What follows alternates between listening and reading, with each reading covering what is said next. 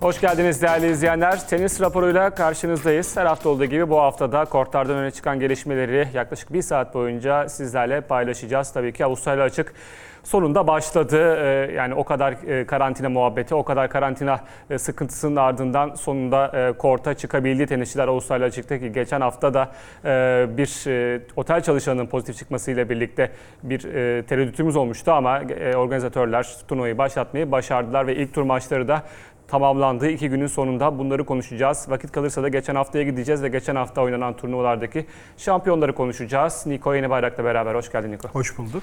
Evet, e, Avustralya açık e, sonunda başladı diyebiliriz. E, çok korkuyorduk aslında başlayamayacak diye. Çünkü bu karantina koşullarında hem tenisçiler zorlandı hem de organizasyon zorlandı.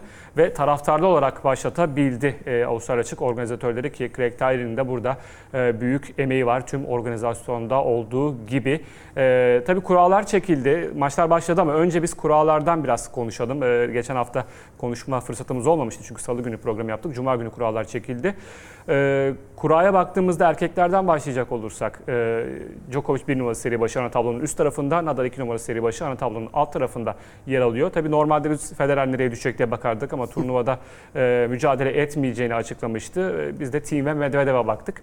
E, ne düşünüyorsun? E, genel bir bakış açı- atarsak e, kuraya, Thiem'in ve Medvedev'in konumlandığı yerler açısından. Öncelikle geçen haftayı sağ salim atlattık. Ee, Bir oteldeki 3 çalışanda Covid çıkmasından sonra bir panik oldu. Bir perşembe günü yanılmıyorsam e, maçlar oynanamadı. Sonra Hı oradaki herkese testler yapıldı. Ee, Ama yine de yetkilileri bir tebrik etmek gerekiyor. Ee, Çok yoğun bir program. 6 turnuva izledik. 2 de 2 ATP, bir 3 WTA, bir, Bir de ATP Cup yağmur vardı. arası geldi Evet hatırlıyorsan. bir de öyle bir ara geldi. Ona rağmen böyle gün çok fazla maç oynanan günler oldu hakikaten. Bir Grand Slam'de bile görmediğimiz kadar yoğun hangi maçı nereye izleyeceğimizi şaşırdığımız anlar. Buna rağmen e, bir turnuvanın finali oynanamadı. Onun dışında e, bir şekilde e, gemiyi sağ salim yanaştırmayı başardılar. E, Ve fena olmayan bir atmosferde de Avustralya açık başladı. E, O açıdan e, herhalde bu kadar e, şeye değmiş gibi bir durum söz konusu. Karantinada oyun kalan isimlerin göstereceği performans biraz merakla bekleniyordu. Ki onların aslında sadece onlar özel gibi bir turnuvada oynandı.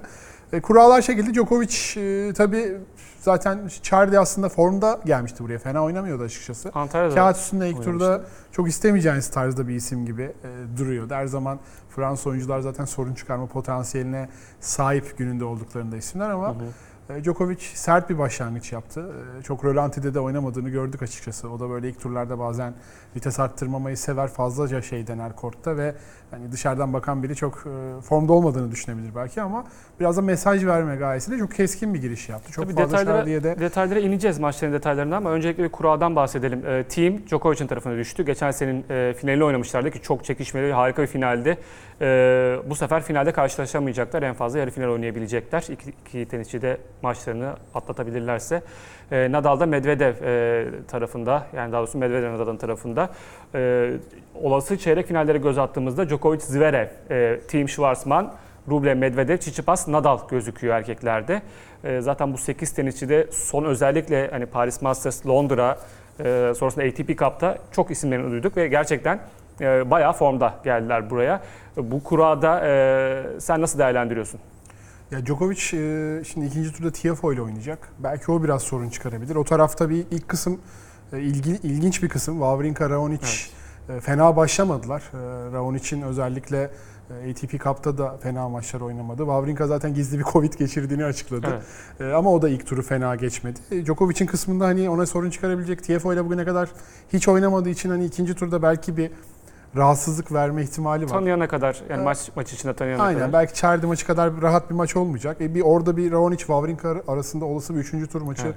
gözüküyor ki o da biraz e, ağız sulandıran bir maç. Keyifli olması ihtimali yüksek bir maç. E, ikinci kısım biraz zaten işte Monfils e, biraz koruduğu puanlarıyla e, orada çok giz, seri başı ama hani normal form durumlarına bakıldığında çok orada olmayı hak edecek bir durumu yoktu. Geçen sene Şubat'tan beri maç Ee, kazandı. Zverev biraz daha orada önde çıkıyor. Hani Lajovic, Mannarino, e, Zverev de gerçi ilk seti kaybetti ama o da ATP Cup'ta mesela Medvedev karşısında çok iyi gördük. Hı hı. Hakikaten çok iyi servis attığında e, çok üst seviyede tenis oynayabiliyor. Genelde ilk haftalarda zorlandığını biliyoruz. E, Yine bir 4 setlik bir maçla açılış yaptı. Fena bir rakip olmamasına rağmen bence bu arada hani ilk tur maçı diye çok e, göz ardı etmemek gerekiyor. Ama hakikaten o ilk kısımda üst tarafta e, Zverev'in en kolay kurallardan birini Evet. çektiğini görüyoruz ki onun da biraz işine yarayacak bir durum. O turlar ilerledikçe e, yavaş yavaş kendini bulabiliyor.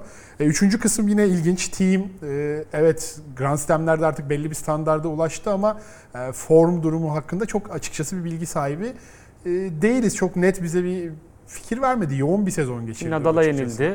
Yine ATP Cup'ta çok da keskin bir performansı Aynen. yoktu E, açıkçası. Ugo Umber var orada. Tehlikeli olabilecek bir rakip. İlk turlarda çok oynamak istemeyeceğiniz tarzda Kyrgios bir rakip. var.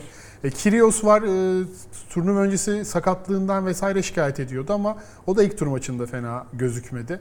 E, ama tabii o çok kapalı kutu aslında yani her turnuvada yani yarı finalde görse şaşırmayız. İkinci turda garip bir şekilde elense de şaşırmayız. Orada Yine Djokovic ile ilgili açıklamaları var. Yani tutamadı kendini. Djokovic ile ilgili konuştu. Yani e, ya o da, o da susamıyor. öyle ama artık alışacağız yani. Cristiano'nun hakemi şey koçu gibi. Susmadı yani. Ya Dimitrov Şilic maçı biraz kağıt üstünde keyifli bir maç gibi duruyordu ama Hı. Dimitrov orada pek şans vermedi. Yine Nishikori burada ilk turda e, elenen isimlerden e, biri oldu ki o da Busta ile yanılmıyorsam oynadı. Doğru. E, Üçüncü kısım da biraz yani team'in kısmı biraz şey gibi. Yani ikinci kısma göre biraz daha Zorlu. sıkıntılı gibi. Dördüncü kısım zaten ilk turdan en akılda kalan maça da ev sahipliği yaptı. Konuşuruz. Yannick Sinner, Shapovalov maçı. Sinner aslında e, turnuva kazanıp gelmişti ama e, o turnuvada çok uzun süreler kortta kaldı. Bir üç buçuk saatlik neredeyse Haçanov maçı var. Final Galiba yine, bir günde iki maç oynadığı final oldu. yine iki saati geçti ve pazar günü oynandı bu final. Hı hı. E, ardından hemen pazartesi çıkmak durumunda kaldı. Biraz turun burada sınıfta kaldığını görebiliyoruz. En azından pazar günü final oynayan oyuncular pazartesi değil de her şeye rağmen bir gün sonra oynayabilirler. Ama genelde şey yapıyorlar. Ana tablonun üst tarafı bir gün, alt tarafı bir gün. Orada bir istisna pek evet yapmazlar. ama yani boş kort konusunda sıkıntı olacağını çok tahmin etmiyordum. Yani. Bu biraz istisnayı hak eden bir konu. Sonuçta hani Dubai'den oynayıp gelmedi bu. Sonuçta kendi Doğru. tamamıyla bütünlüklü bir organizasyon içinde biraz daha buna dikkat edilmesi gerekiyordu. Ee, burada Felix e, var, e, Diego Schwartzman var, Yannick Sinner var, vardı artık yok. Ee, burası birbirine yakın gözüküyor ama yani Shapovalov e, buraya böyle bir arka arkaya maçlar kaybederek geldi. Yannick Sinner tam tersi bir galibiyet serisiyle gelmişti. İbreler biraz daha Sinner'i gösteriyordu her şeye rağmen. Ama yorgunluk Ama faktörü. çok şey, e, olgun bir oyun ortaya koydu Deniz Shapovalov'da. Hani bu çeyrekte e, biraz daha e, şanslı olabileceğini bize sinyallerini verdi. Sinner'de mesela Nadal'la 14 gün antrenman ve yani Nadal'la antrenman yapmak birçok maçtan size daha yoğun bir tempo kazandırabilir. Hı hı. Ama üstüne yanılmıyorsam onun e, turnuvada sergilediği şey e, üst düzey performans. Yani 18 19 yaşında bir oyuncu olsanız da o rejenerasyon süreniz her zaman istediğiniz gibi olmayabiliyor yani. E tabii zaten 3. setteki 3. sette kaybettikten sonra 4. sette bir toparlandı. Nereden bulduğunu bilmiyorum o enerjiyi ama ben bitiyor sanmıştım maç 4. sette. İyi toparlandı. 5. sete götürdü ama Evet. artık hani yetmedi. Şey, şeyde bile yorgun gözüküyordu. Yani e, Ha- Haçanov maçının e, son setinde Hı hı. de yorgun gözükmeye başlamıştı. Kazandığı finalde de e, bence yine çok e, Travaglia'ya karşısında en iyi formda gözükmedi. Hı hı. Biraz şanssızlığı oldu. Ya Acaba finalden çekilse miydi? Daha mı mantıklı olurdu onun adına? Ama daha yaşı çok genç e, ve çok olgun bir mentalite seviyeye ulaştığını Kesinlikle. gösterdi. Yani bu Grand Slam olmasa da bu sezon içindeki Grand Slam'lerde e, daha fazla adını duyacağımız kesin. Çünkü yani geçen seneki iki Grand Slam bile bu atmosferde oynamadı. Herkes için o kadar değişik bir durum ki yani. Fransa'da, Amerika'da bir tık daha rahat organizasyonlardı. Böyle uzun karantina sürelerine kimse maruz kalmamıştı. E, Amerika açık biraz daha yazın rakamlar vesaire düştüğü için onun rahatlığı da vardı ki Amerika'nın zaten genel bir rahat karşılaması rakamların ne kadar e, şey olduğunu Evet. gösteriyor Amerika'da genel Covid rakamlarının. E, ama bu kısımda herhalde e, Djokovic e, evet fena bir çeyreği yok. Herhalde burada Djokovic team her şeye rağmen team'in artık Grand Slam'leri taşıdığı bir standardı var. Biraz turla ilerledikçe de bence yavaş yavaş kendi form durumunu da yükseltecektir. E, Nick Massu'ya da bir mesaj gönderiyordu korktan. Yani Çok Wawrinka aslında dair. hani eskisi gibi değil ama yani bir alışkanlığı var. Yani Tabii. Grand Buyurun, Djokovic'i yenme alışkanlığı. Yani oradan round 3'ü geçip 4. turda Djokovic'in karşısına gelirse e, gidebildiği yere kadar götürür. Yani terinin son damlasına Doğru. kadar orada Djokovic'i e, götürecektir. Yani sonuçta kaybedecek bir şey olmayarak oynayacağı için bir de orayı biraz daha bir tık rahat bir psikolojiyle oynayacak. Bir de her şeye rağmen öyle bir Kyrgios'la oynayacak. Ee, Kyrgios'la oynayacak. Kyrgios hani kafasını verecekse e, o da team'i çok zorlayabilir. Yani burada iki tenisçi de e, kritik maçlar oynayacak e, dördüncü turda. E, bakalım neler olacak. Yani bu- Zverev de buradan e, çeyrekte Djokovic'in karşı çeyrekteki olası rakiplerinden biri. Evet. O da bence kura avantajını değerlendirip diri bir O şekilde çok rahat bence şu anda. diri bir şekilde çıkabilirse ki ilk turda bir set e, verdi. Ee, o da ilginç bir eşleşme olabilir. Özellikle servisi ya oyunun üzerine çok koyduğu bir gerçek açıkçası ama hala yani oyundaki tavanı ve taban arasındaki fark çok yüksek. Gerçekten servisi biraz düştüğünde de e, çok öngörülebilir ve çok tek düze bir oyun oynamaya başlıyor. Medvedev çok karşısında yanılmıyorsam bir set bir break öndeydi. Hı hı. E, Orada birden böyle bir e, motoru kapattı ve e, tekrar düşüşe geçti ama Djokovic genel maçında ilk seti iyi. aldı. İlk seti aldı Djokovic karşısında. Sonrasında maçı kaybetti. Ki sezona da değişikliklerle girdi. Hani Evet. koçunu bıraktı, menajer şirketini bıraktı. Hem mental sıkıntıları var Yani. bir yandan. e, Ama çeyreği rahat. Yani var. o, o, o 8'de birlik dilimi rahat bence. 4. turda, 4. turda Lajovic ile karşılaşacak ki Lajovic de ATP Cup'ta Djokovic'e pek yardımcı olmadı. Özellikle Struff karşısında ilk seti almasına rağmen ikinci sette de neredeyse servis kıracaktı. Kırsaydı bitirirdi ve belki de Sırbistan yarı final oynayacaktı. Ee, pek yardımcı olamadı ama Lajovic belki onun telafisini burada yapabilir. Evet aynen öyle. Bir de genel olarak Djokovic'in kurası biraz Nadal'da Nadal'a göre daha zor mesela. Ee, Nadal'ın da ilk tur. Evet. Nadal'ın tarafı oldukça rahat. Tabii onun Onun sonrası zorlaşıyor. var. Sonradan zorlaşıyor ama şimdi Tiafoe ikinci tur çok ister misin? E, Opelka yine gelip gelme ihtimali Tabii var. Opelka Filiz yine uzun boylulardan gidecek e. Djokovic. E, Raonic. Wawrinka yani tabii ki bunlar ihtimal elenebilir. Farklı şeyler de konuşulabilir ama Tabii. Zverev, Thiem, üstüne Nadal, Medvedev e, Djokovic'i de ünvanını korumak için zorlu bir yol bekliyor burada. Hı hı. E, Nadal'ın tarafında da yine e, önemli isimler Deminör'ün e, performansını çok merak ediyorum ben. İlerleyebilecek mi, ne yapacak? Yani ilerlese de Nadal'a karşı çok diş geçirebilecek bir oyunu var mı? Geçen sene yanılmıyorsam burada oynamışlardı ve Nadal'dan ücretsiz Ama, bir tenis dersi sez- almıştı. Sezon sonuna doğru bayağı toparlandı o da yani. Toparlandı, toparlandı ama yani o oyun stilinin Nadal'a çok diş geçireceğini zannetmiyorum. Yine be- Sıcak sıcaklar çok konuşuyordu ama şu ana kadar bir sıkıntı Yok, Yok gibi. 30 derece civarında Aynen. dolaşıyor. Hava şartları zorlamıyor Berettini fazla. var burada. E, Çiçipas var tabii. Çiçipas Nadal'ın olası çeyrek rakibi. Evet. E, Berettini de yine olası çeyrek rakiplerinden biri. Yarı finalde de Medvedev, Rublev, o Rus e, tandemi Nadal'a zorluk çıkartabilir. Çünkü ATP Cup'ı kazandı Rusya ve gerçekten bu iki tenisçi e, bir seri halinde geliyorlar. Medvedev'in 15 maç oldu. İkisi de set kaybetmedi ATP Cup'ta. Yanılmıyorsam tiebreakleri dahi yok. Bütün e, kazandı. Olabilir tam skorlarını bilmiyorum E, ama şey e, Medvedev'in 15 maçlık bir serisi var. Rublev de yine e, keza iyi bir performans gösteriyor. Geçen senenin en iyi, çıkış yapan tenisçilerinden biri.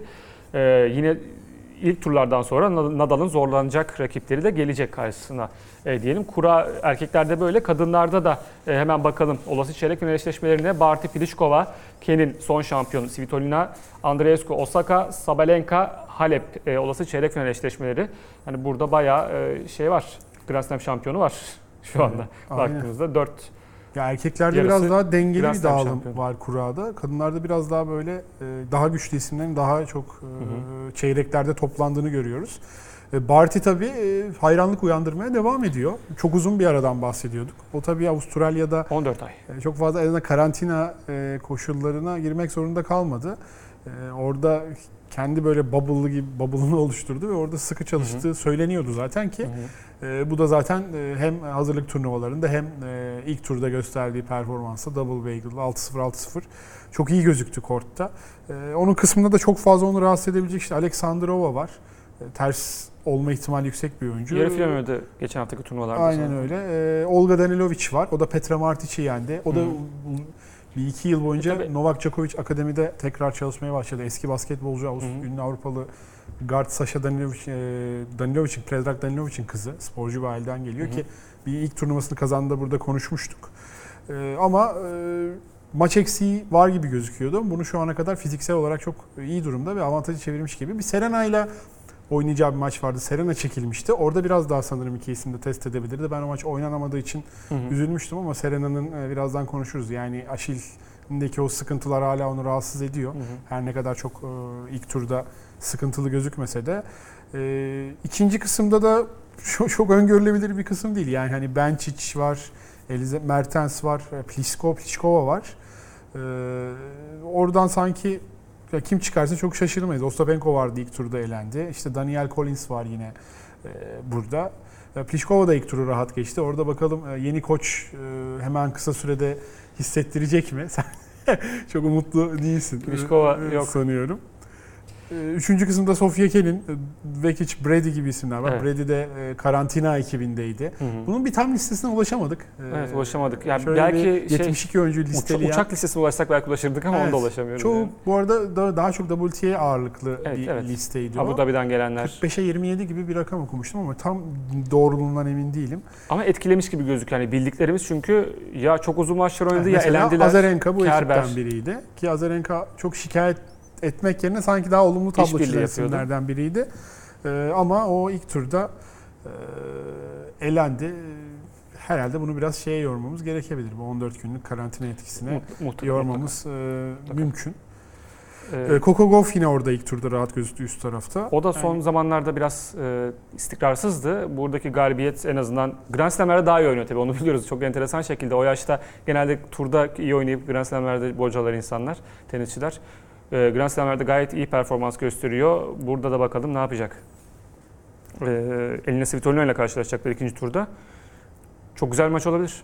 Kesinlikle öyle. Svitolina da yani o da Grand Slam performansı diğer turnuvalardaki performansını çok optimize edebilmiş isimlerden biri değil açıkçası ama onun da tarafı e, epey rahat gözüküyor. E, yani buradan da e, Sakarya elendi. Sakarya elendi, Azarenka gitti. Putinseva var. O da 3 setlik bir maç oynadı yanılmıyorsam. Konta çekildi sakatlığı e, vardı. Gauff dışında Putinseva Sloan Stevens maçı iyi maçtı. Stevens e, İlk turun dikkat çeken maçtı.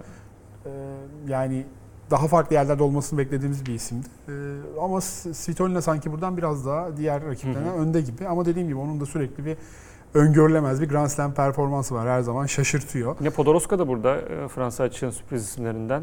E, bakalım.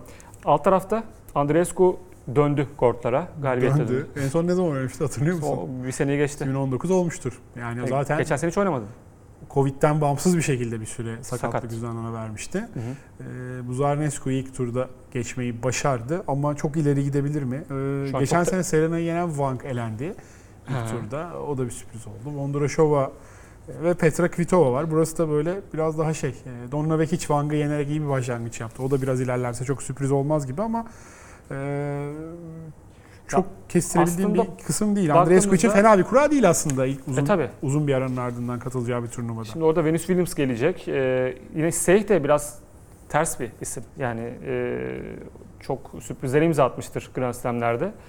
E, bakalım o ne yapacak. E, Muguruza var yine o taraflarda. Osaka var. Olası çeyrek final rakipleri arasında. Ki dördüncü turda çok iyi bir eşleşme ihtimali var. Osaka ile Muguruza arasında. Evet. Ee, Muguruza e, geçen sene burada final oynamayı başarmıştı. O tekrar çıkışını başlattığı yerde. Hı hı. E, bu sene de iyi gözüktü. Final oynadı. E, final oynamayı başardı. Çok finale gelene kadar çok az oyun kaybetti. E, gerçekten o yani çok fazla B planı olan bir oyuncu değil belki kortta ama o A planı işlediğinde de herkesi yenebilecek bir isim. E, onun için de burada işte Kerber gitti. E, Jabeur belki hani ilerleyen turlarda Hı. formunu artırdıkça ilerleme ihtimali var ama sanki orada bir dördüncü turda Osaka Muguruza eşleşmesi e, çeyrek finale çıkan ismi belirleyecek Peki gibi ne diyorsun? duruyor. Burada şimdi e, kadınlarda kim alır? Var mı bir tahminin? İkinci kısmı mı? Yok hayır. Toplamda turnuvayı kim alır? Ya ben nedense Serena Williams'tan biraz e, Ümit. ekstra bir performans. Yani e, Amerika'da olunca biraz daha baskı oluyor üzerinde o Hı hı. 24 ama Avustralya'da e, farklı bir atmosfer var. E, sakatlığı ne durumda tabii çok kestiremiyoruz ama hani zihinsel olarak da rahat bir Serena gördük açıkçası. E, aslında yani finale geldiği turnuvalarda finale gelene kadar çok fazla zorlanmadığını da biliyoruz. Hala Finalde sağ- sorun yaşıyor. hep finalde 8 set kaybetti. Hiç set alamadı son 4 çıktığı finalde. Ee, Sabalenka ona bir Sabalenka da çok iyi geldi. Sonra burada 15 maç aradan sonra kaybetti. Ee, yani formunu burada buraya saklayabilecek mi yoksa tam böyle formunun düşeceği bir noktaya mı denk gelecek burası? Ee, o da ilginç. Ee, Ben biraz eğer- kız şeyi de rahat gözüküyor. Yani bir olası çeyrek finalde Sabalenka ile karşılaşırsa e, ya da dördüncü turda tam ona ana tablo dördüncü turda mı karşılaşacaklar yanılmıyorsam dördüncü tur eşleşmesi Bakalım. Sabalenka Serena Williams. E, dördüncü tur eşleşmesi. Lara Zigemund karşısında da çok 6-1 6-1 ile çok rahat kazandı. Tam belki bir ölçü olmayacak. Biraz daha toprak menşeli bir oyuncuydu. Hı hı. E, ama e, yani çeyreği de rahat. Kurası da, kurası da fena değil. Yani bu kısımda ona sıkıntı çıkarabilecek bir isim var mı? Muguruza, Osaka her zaman bir tehdit. Osaka ile bir e, geçmişi de var. Biraz farklı bir şekilde de bakabilir o maça. E, ama benim hissiyatım Serena'nın ki şey olduğu söyleniyor. Cesur bir tercih bence. Hızının da 2017 Yavaşmış. 2017 gibi hızlı olduğunu söyleyenler oldu. Yok ben hatta İlk çok yavaş ardından- yavaş olduğunu duydum. Öyle mi? İlk günün ardından genelde hızlı olduğunu, 2017'ye benzer koşullar olduğunu söylüyorlardı. Kendisinin son kazandığı Grand Slam yanılmıyorsam 2017 Evet. Avustralya açık. Ee, Yani tercihim o yönde. Tabii ki çok inanılmaz teknik bir e, şey olmadı ama ben biraz daha bir şampiyonun yüreğini asla hafife almayın. Yani karantina olmasaydı ben, ama ben Sabalenka alt, olacak alt derdim. kısımdan çıkan bir ismin şampiyon Aynen. olacağını Sabalenka olacak derdim ama yani. şimdi baktığımda e, yani ya Osaka ya Halep daha e, yakın geliyor bana ki yarı finalde karşılaşabilirler. E, ama ilk tercihim Sabalenka olurdu. Yalnız iyi görmedim onu bu Evet. karantinadan sonra. Sabalenka yine yanlış yerde vites arttırıp formu tuttu. Ee, göreceğiz. Göreceğiz. Ama Erkek, Sabalenka- erkeklerde Erkeklerde Djokovic yani %50 Djokovic geri kalan e, %50'yi de 2-3 isme paylaştırırım. ben Medvedev diyorum burada. Yani çünkü Saygı duyuyorum bu tercihine. Olabilir tabii ki ama e, yani artık Djokovic zamanı geldi şey Medvedev bence. ispatlama Ya Djokovic tabii ki yüz- büyük Modunda ihtimalle yani e, favoriler arasında Djokovic ona bir şey demiyorum. Yani %60 belki hala Djokovic gözüküyor olabilir. Ama e, yani bilmiyorum burada ikinci haftada nasıl bir performans gösterecek, Yani mental Rublev, açıdan nasıl Nadal olacak. maçlarından sağ çık sağ çıkması gerekecek bir kere Medvedev'in. Nadal Oldukça ne yıpratıcı kadar ve sağlıklı bu hani- arada onu düşünmek gerekiyor. Evet ama oldukça yıpratıcı bir e, şey orası. Hani dördüncü turda Goffin zaten elendi. Çoric. Çoric'e karşı hep düetlerde geride ama hep o daha önce Medvedev'in formsuz olduğu dönemlerde oynanan maçlar. Çok bakmamak lazım. Yine de sorun çıkarabilir. Ya bilmiyorum yani toparlamış bir Nadal'ı yarı finalde geçip geçerse de epey bir orada fire verecektir. Ee, o yüzden yolu biraz daha zor gibime geliyor. Ha tabii ki team'in de Djokovic'te e, hasarlar bırakma olasılığı yüksek geçen seneden. Zine ondan önce Zverev'le oynayacak. geçen seneki finaller hafızalarda. Hı hı. Ee, ilginç bir yeni jenerasyon, eski jenerasyon, ye- yani yeni jenerasyon tabir ettiğimiz oyuncuların belki de formlarının en yüksek, yani Medvedev ve Thiem'in hatta Zverev'in kariyerlerinin en iyi tenisini oynadığı dönemlerdeyiz. Yani Big Three ile e, Ve onların diğerler arasındaki ar- makasın en az olduğu Grand Slam bence bu. Aynen şu öyle. anda. O açıdan e, o makasın giderek kapanmaya başladığını sinyallerini zaten Thiem Djokovic maçında görmüştük. Yani bir, bir yıl önce oynasa belki Djokovic'in 3 sette kapatacağı bir maçtı.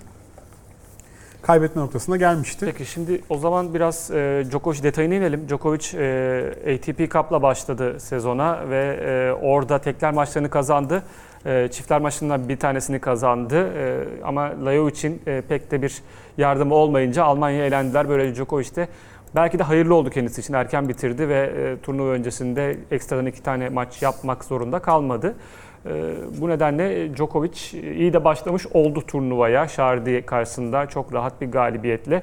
E, bir açıklaması var, maç sonu açıklaması. E, onu ekranlara getirelim Djokovic karşılaşmadan sonra neler söylemiş.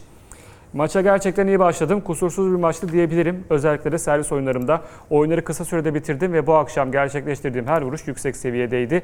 Avustralya açığa başlangıç performansından tatmin oldum. ATP Cup'ta Rod Laver'a çıkmam da bunda yardımcı oldu. İyi bir hazırlıktı. 4 maç yapmıştım ve gergin hissetmedim diyor. Yani Rod Laver Arena'da e, çünkü akşam seansında şey diyor Djokovic.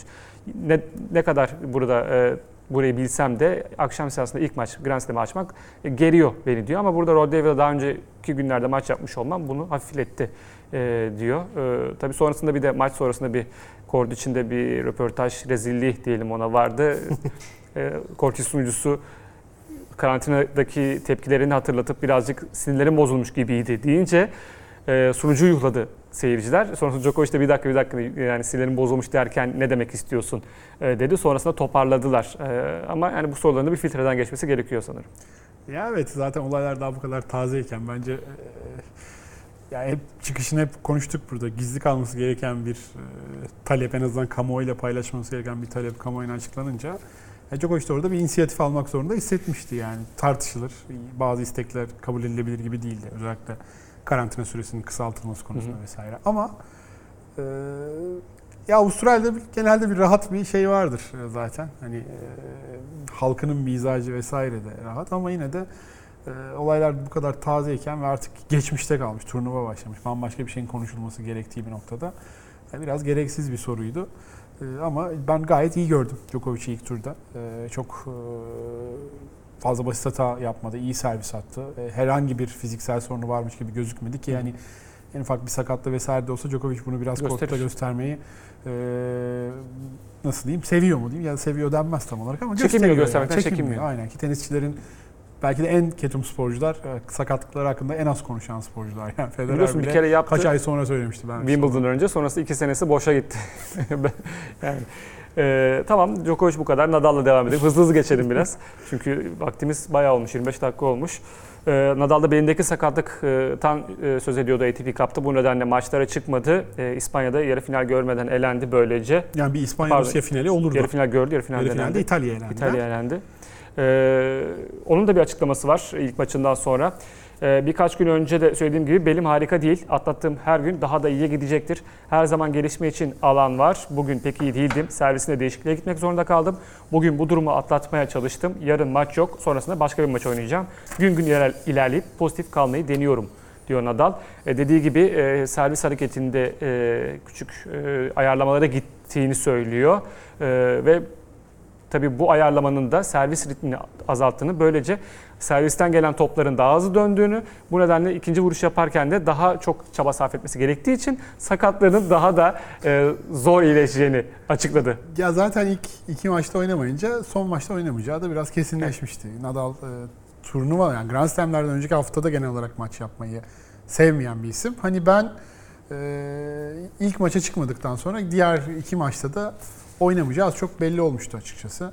Yani ciddi bir sakatlıktan ziyade onun e, genelde sakatlık yani bunun daha büyük nüks- e, ciddi bir sakatlığa dönüşmesi yolunda bir önlem olarak düşünüyorum.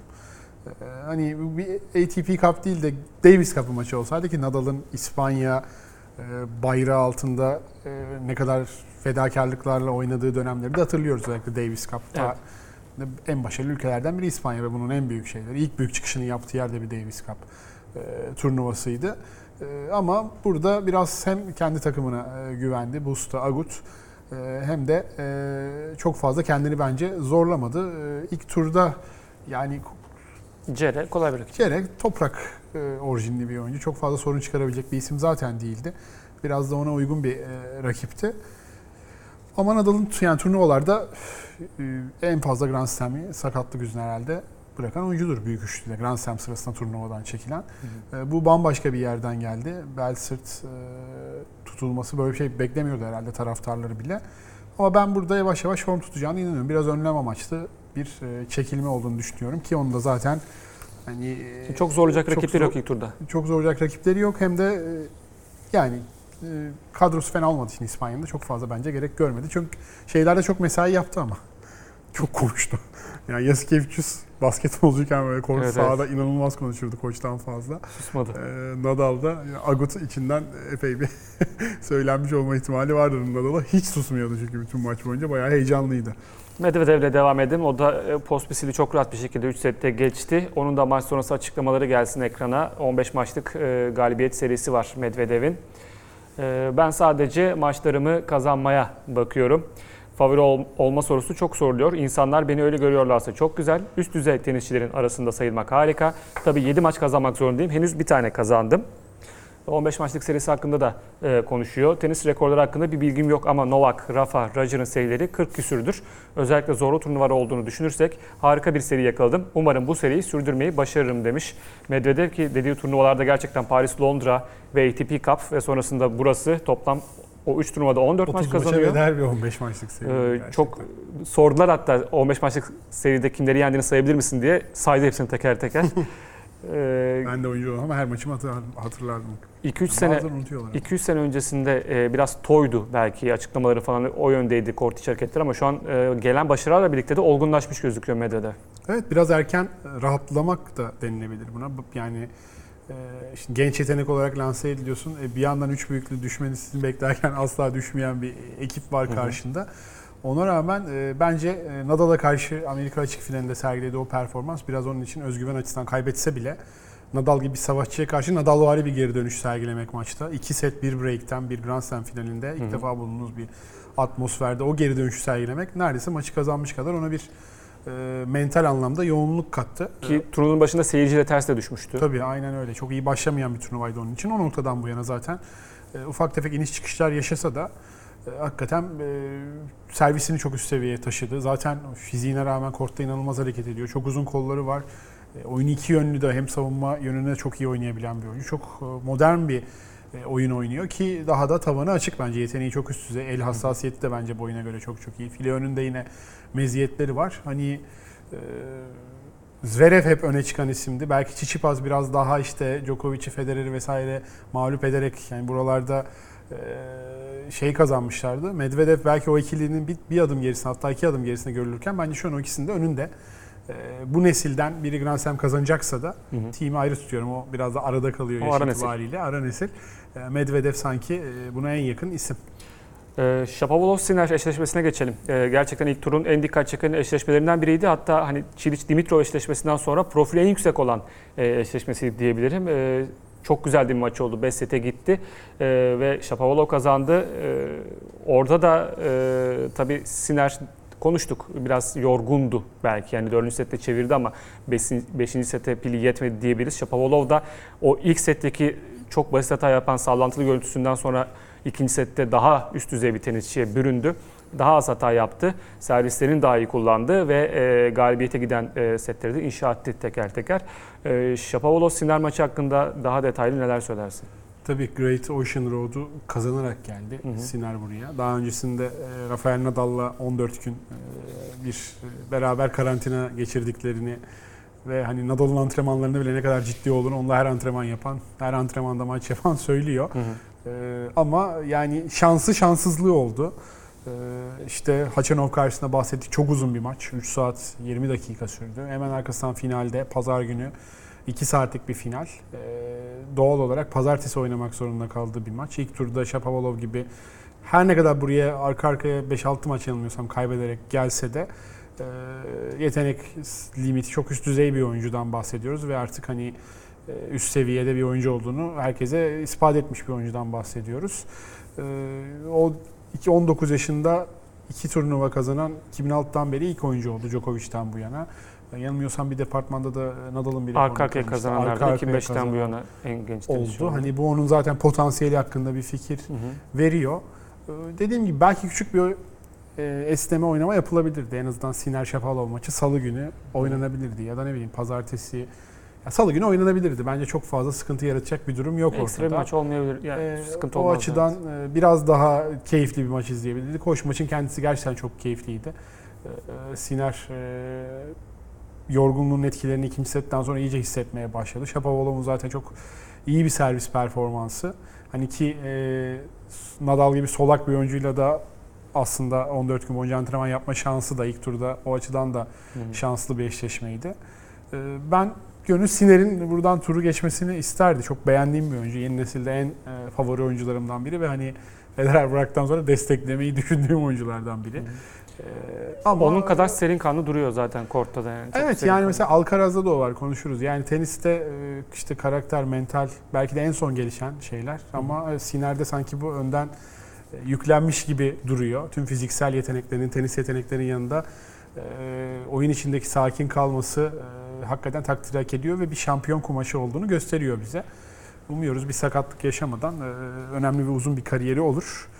Bunu da böyle bir e, tatlı an olarak hatırlar 10 yıl sonra dönüp baktığında. Biraz daha hızlanalım o zaman. Sinir'in açıklamaları var. Ee, C maddesindeki e, açıklamayı alırsak eğer e, senin de dediğin gibi Rafa ile antrenman yaptı. Rafa da yaptığı antrenman hakkında e, konuşuyor. E, Rafa ile yaptığım antrenman bir ders gibiydi. Oldukça öğreticiydi. Bugün kaybetmiş olsam bile neden yenildiğimi anlamam gerek. Bu da bir ders olacak. İki hafta boyunca Nadal'la antrenmanlarım bana kort içinde doğru mentaliteyi yakalamam konusunda yardımcı oldu.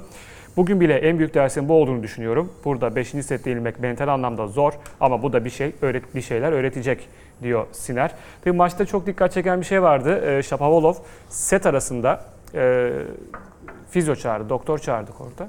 Ama bir yandan da tuvalete gitmek istedi. İkisi aynı anda yasakmış. Yani ben de bunu burada öğrendim. İkisi aynı anda yapamıyormuş. Bu nedenle tuvalete gitmesine izin vermedi hakem. Onunla ilgili bir VTR'miz var.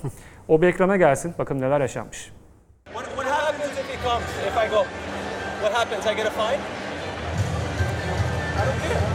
What do you mean I can't go? You're going to disqualify me? I have to pee.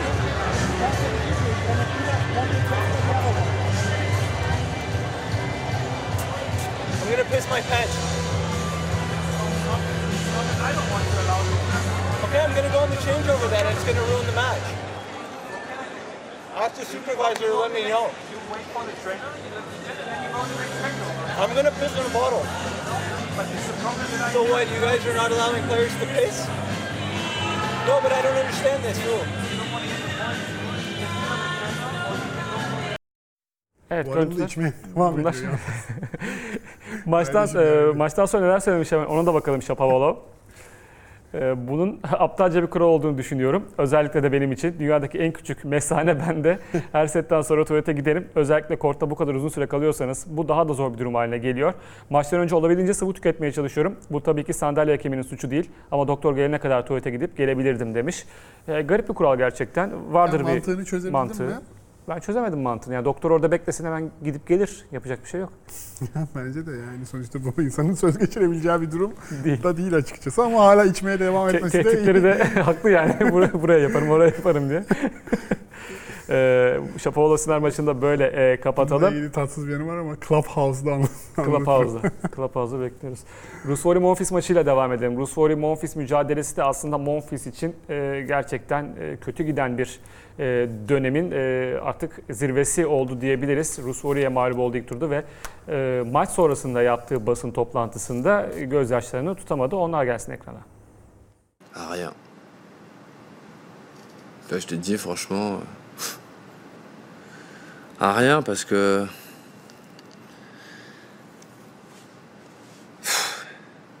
Alors. Je vais te donner la. La phrase simple euh, de ma mère, tu vois. Elle va me dire.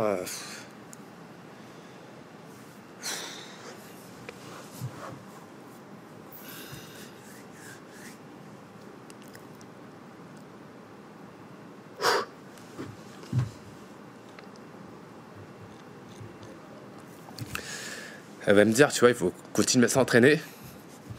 Et, et ça reviendra. C'est seul truc.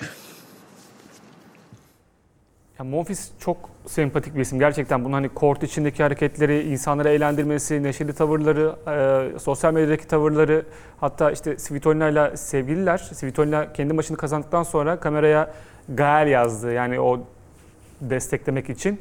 E, Antalya'da da konuşma fırsatım olmuştu Monfils'te. O kadar sıcağın altında 3 setlik çok uzun maçtan sonra e, gelip kaybetmesine rağmen benimle konuştu ve yani başkası olsa Ki reddedebilirdi. bir Wimbledon vardı Evet, hatırlarsan. evet. Yani e, çok iyi bir insan olduğunu orada anladım zaten.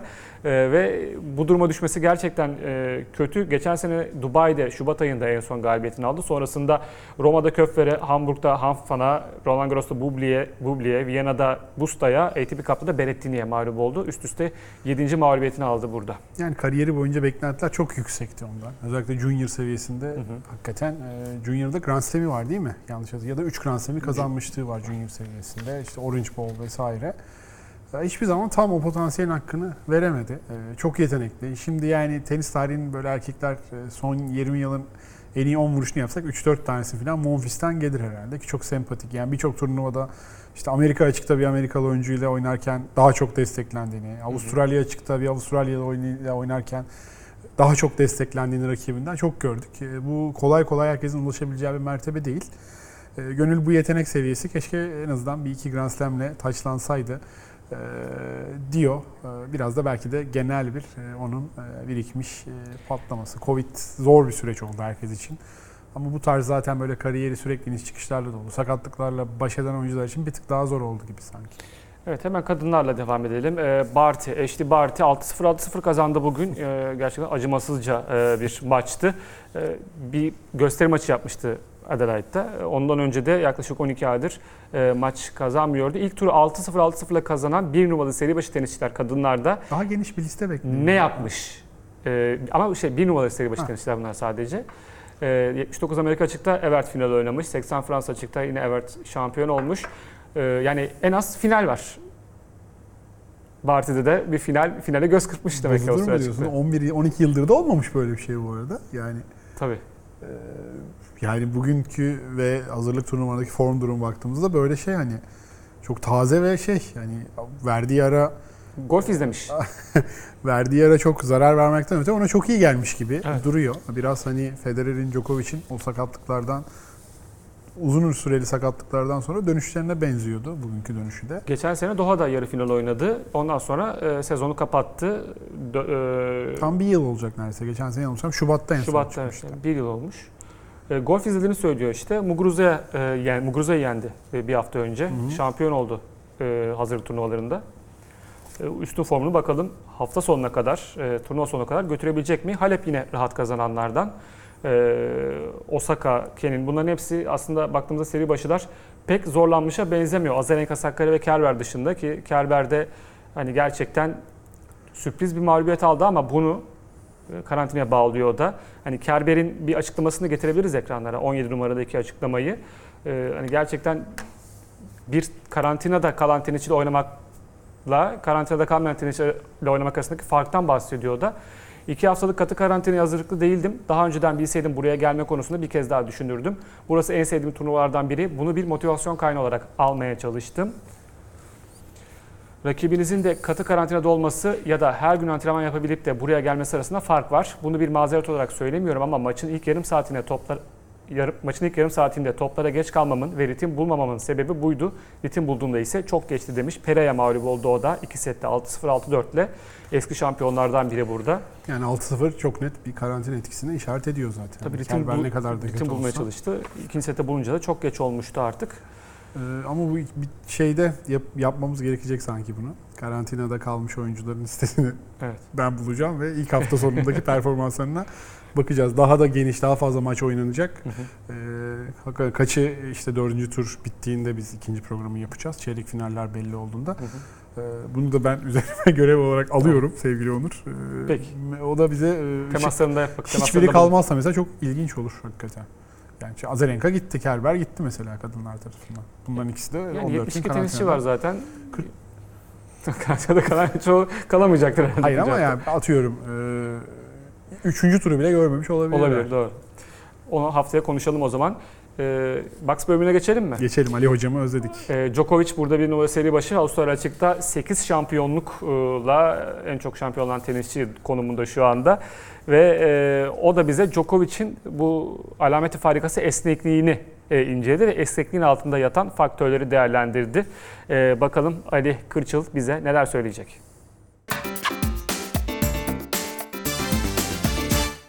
Evet Avustralya açık artık başlamışken biraz Novak Djokovic'ten bahsetmek lazım. Çünkü sert kortlarda gelmiş geçmiş en iyi tenisçilerden bir tanesi Novak Djokovic.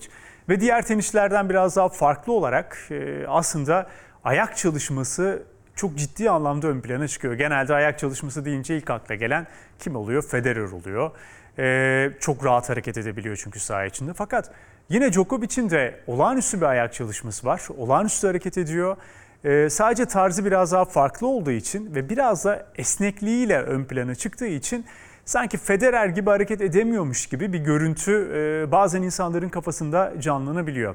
Aslında bu sadece hareket etme kabiliyetlerinin biraz daha farklı olmasından kaynaklanıyor ve esneklik demişken şimdi Djokovic'in aslında bu olağanüstü e, vuruş yaparkenki duruşu sadece esneklikle nitelendirmek biraz e, tam hakkını verememiş oluyoruz aslına bakarsınız. Çünkü bütün mesele aslında esneklikteyken hala güçlü olabilmek. Yani eklem açıklığınız çok geniş bir haldeyken bile esnekliğin ötesinde sizin o şekilde durmanızı sağlayabiliyorsa gücünüz bu en değerli noktalardan bir tanesi. Mesela şu duruşlardan bunlar en ekstrem olanları. Ee, bir de bunun daha fazla yaptığı e, yani bir passing shot atacağı zaman gidip yine buna benzer bir duruş bu kadar ekstrem olmasa da yine buna benzer bir duruşla hala çok kontrollü bir şekilde kor bölgesi gövdesi tamamen dimdik e, şekilde de passing shot attığına çok fazla şahit oluruz. Bence Djokovic'in en büyük silahlarından bir tanesi bu. Ama Djokovic'in şu duruşunda ilk olarak esneklik demekten ziyade esnekliği zaten çok yüksek ve en büyük hobisinin bu arada esnetme olduğunu söylüyor eşi e, Novak Djokovic'in. Evet kesinlikle esnek. Örümcek adam gibi, Spider-Man gibi esnek. Ama şu eklem açıklığı mevcutken bile hala güçlü kalabilmek o esneklikte en önemli noktalardan bir tanesi. Hatta futbolcular e, sadece futbolcular değil tenisçiler, Amerikan futbolcuları, diğer sporlarla uğraşan, e, güç sporlarıyla uğraşan birçok atlet Pilates üzerinde çok fazla yoğunlaşmaların, çok fazla çalışmaya başlamalarının ki Cristiano Ronaldo da onlardan bir tanesi. En büyük sebeplerinden bir tanesi bu. Eklem açıklığı çok uzunken bile hala güçlü bir pozisyonda durabilmek. Peki burada kaslar nasıl çalışıyor ve hangi kaslar özellikle de Djokovic'te devreye giriyor ona bakmak lazım. Bunların, bunlar aslında bacağımızın iç kısmında yer alan adüktör kasları. Ee, adüksiyon şu demek aslında sizin bacağınızı çok basit haliyle anlatıyorum terimlerden biraz daha uzaklaşarak. Ee, bacağınızı dışarı doğru açmak değil kendinize doğru çekmek. Aynı şeyi kolda da düşünebilirsiniz. Aslında bu anatomik anlamda bir terim. Ee, abdüksiyon ve adüksiyon. Adüksiyon genelde o adüktör kaslar bacağınızın içinde bulunuyor. Ee, ve bu kasların gücü Djokovic o pozisyonu aldığı zaman olağanüstü önem arz ediyor. Tabii ki hamstringler, quadricepsler, hip fleksörleri, kalçası, bütün bacağı e, öyle ya da böyle fazlasıyla devrede ama özellikle bu noktada hem esnetlik hem de o esneklikteki güçlü kalabilmek son derece önemli. Djokovic'in de zaten e, yogaya biraz daha ağırlık vermesi, power yogaya özellikle. E, spesifik olarak pilates diye adlandırmıyor. Genelde power yogadan bahsediyor ama bu kadar önem vermesinin en büyük sebeplerinden bir tanesi bu. Hani güç deyince akıllara Nadal geliyor ya da daha patlayıcı oyuncular geliyor. Ama aslında şu duruşta kalabilmek ve bu duruştayken hala çok iyi bir vuruş ortaya koyabilmek bu da aynı zamanda bir güç e, değerlendirilmesinde geçmesi gerekiyor. Djokovic'in de bu silahından bahsettik. Zira Avustralya açıkta e, Djokovic elenmediği sürece, yoluna devam ettiği sürece ki edecek gibi gözüküyor. Şampiyonluğun şu anda en büyük favorisi. Bu tip vuruşlarını şu anda e, ekranlara yansıdığı gibi hareketlerini fazlasıyla göreceksiniz. O yüzden biraz daha buna açıklık getirelim dedik. Hoşçakalın.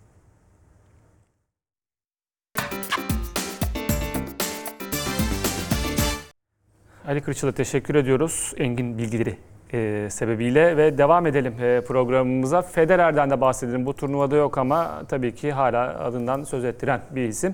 Geçen sene e, Niko Cape Town'da e, bir e, Match for Africa 6 oynandı. Hı hı. E, ve tabii Cape Town'da Federer'in memleketlerinden bir tanesi sadece. E, ve onun belgeseli çıkacak.